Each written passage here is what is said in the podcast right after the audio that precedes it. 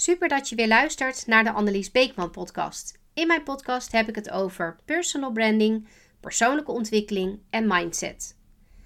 Deze podcast ben ik gestart vanuit mijn missie en verlangen om zoveel mogelijk mensen te inspireren en motiveren de stap te zetten je droom achterna te gaan. Iets wat voor mezelf jarenlang niet vanzelfsprekend was, door verschillende overtuigingen die ik had en waardoor ik dacht dat bepaalde dingen voor mij uitgesloten waren.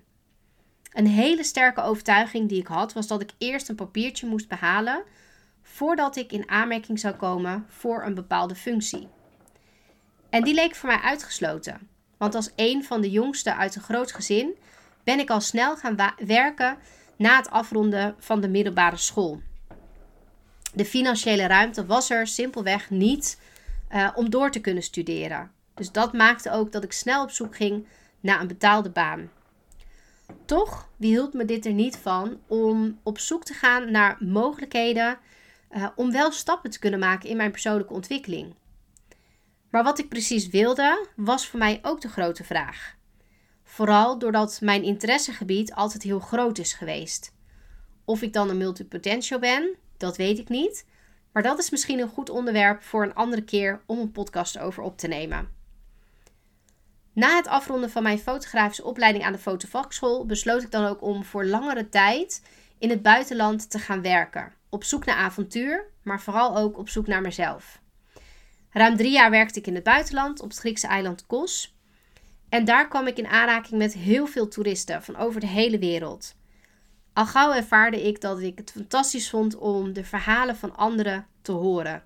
Waar ze vandaan kwamen, de verschillen in culturen en vooral ook waar ze graag naartoe wilden. Ook mijn liefde voor het reizen werd hier nog meer versterkt. En dit maakte dat ik besloot om een HBO-opleiding toerisme te gaan volgen. Na het afronden heb ik wat jaren in het toerisme gewerkt. En dan vooral in de zakenreiswereld. Fantastisch vond ik het om elke keer weer de beste, snelste en de meest ingewikkeldste reizen voor de beste prijs samen te stellen. Voor de zakenmensen die over de hele wereld reisden. Door de crisis destijds, die vooral de toeristische branche raakte, heb ik uiteindelijk de stap gemaakt om de HR-wereld binnen te stappen. Daar bouwde ik verder aan mijn mensenkennis en ontstond ook mijn liefde voor branding. Employer branding op dat moment. En in mijn allereerste podcast heb ik je ook al wat meer over verteld. de reis die ik heb gemaakt om te komen waar ik nu sta. Waarom ik hier dan nu weer over begin, is vooral om te laten zien dat, ondanks dat je misschien nooit de middelen hebt gehad om vanuit huis door te kunnen leren, je toch heel ver kan komen. Niets is onmogelijk als de wil er is om ervoor te gaan. Het maakte dat ik altijd heel weloverwogen keuzes maakte over wat ik wel en niet wilde gaan doen. Welke stap wilde ik zetten om verder te komen?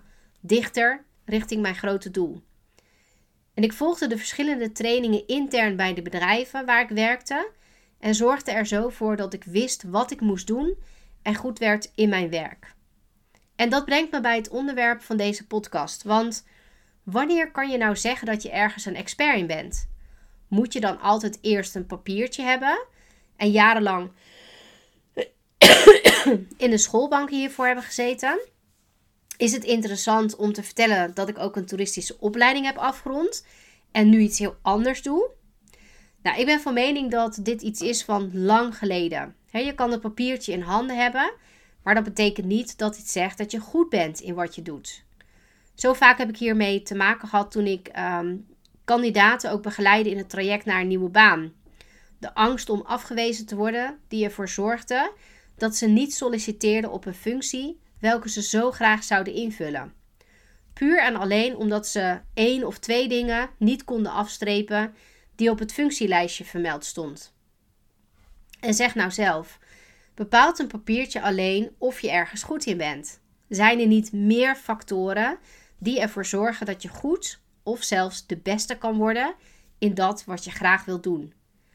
Zijn het niet juist de lessen die je in het leven leert, waardoor je als mens groeit en de ervaring opdoet die je nodig hebt?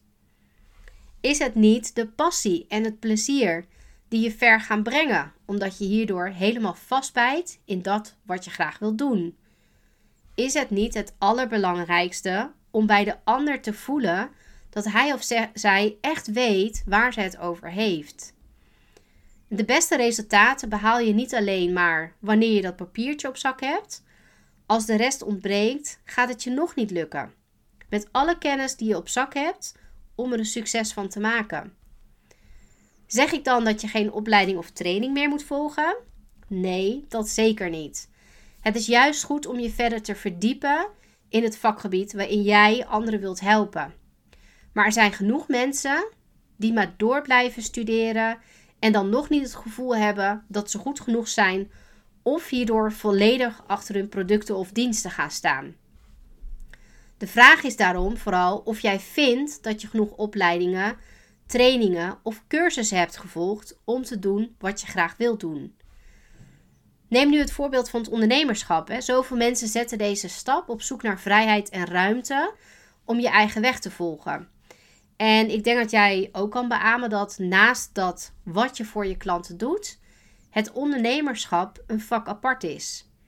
Er komt zoveel meer bij kijken dan je van tevoren kan bedenken. En ook dat doe je zonder dat papiertje op zak te hebben.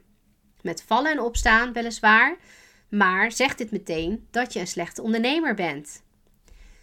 Juist in die momenten zitten de grootste lessen en groeien uiteindelijk het snelst. Ook in het ondernemerschap weet je niet meteen alles en zal je een coach in de arm gaan nemen die je verder kan helpen, die je de weg wijst zodat je uiteindelijk de dingen kan doen die je het allerliefste doet.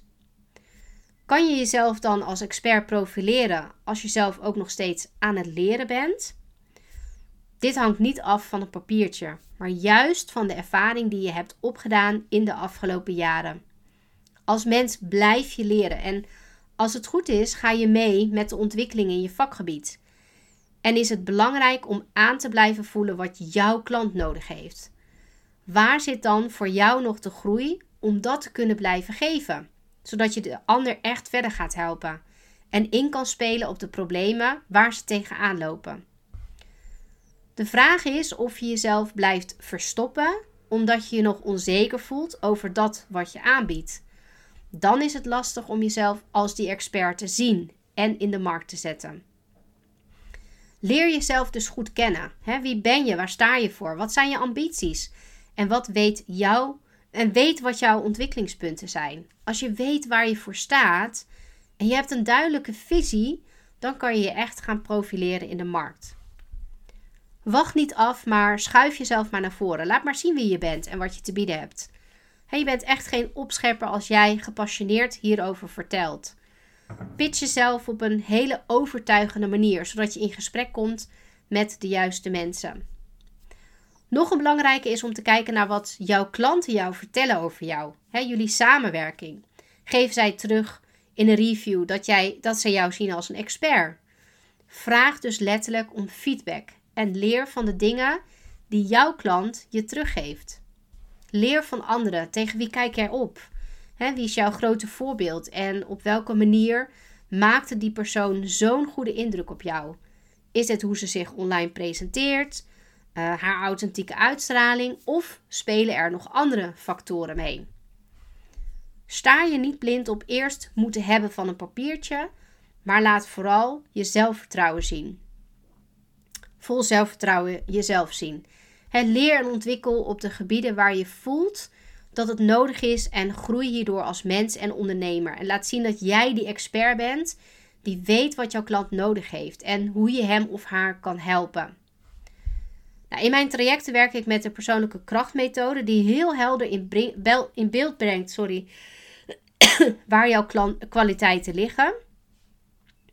Uh, wat maakt jou nu echt uniek en hoe maak je dit uh, ook zichtbaar? Uh, want je kan ze wel weten, maar als je er verder niks mee doet, ja, dan werkt dat natuurlijk ook niet. Hè, wat zijn jouw allergrootste drijfveren en talenten, waardoor je ook jezelf op waarde gaat schatten? Een methode die jou uh, niet in een hokje plaatst, maar op een positieve manier uh, laat zien hè, wat, wat maakt jou nu echt uniek. En hoe ga je dat op dat podium zetten? Wil je hier graag meer over weten? Stuur me een berichtje via info.anneliesbeekman.nl En ik vertel je heel graag meer uh, hierover. Heb je misschien andere vragen of wil je vrijblijvend uh, sparren? Plan een call in via de link in de tekst. Uh, Super leuk dat je weer luisterde en vergeet ook niet om een review achter te laten of de podcast te delen.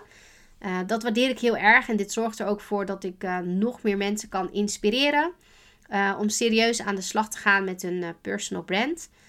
iets wat ik het allerliefste doe. Um, de podcast komt live op, op 1 januari. Dus dat is voor mij ook een ideale kans om jou een fantastisch nieuw jaar toe te wensen. Met heel veel persoonlijke successen en, en momenten die, die er ook echt toe doen in het leven. Um, en natuurlijk ook op, op zakelijk vlak wens ik jou heel veel succes, maar ook vooral heel veel plezier. He, op het moment dat je er plezier in hebt en je kan doen elke dag wat je het allerliefste doet, dan ben ik er ook van overtuigd dat je die groei mag, mag doormaken. Ehm, heel veel succes weer dit, uh, dit komende jaar. En uh, laat je vooral uh, jezelf heel erg zien. Online op de manier die, en offline natuurlijk, op de manier die helemaal bij je past. Dankjewel voor het luisteren en tot de volgende keer.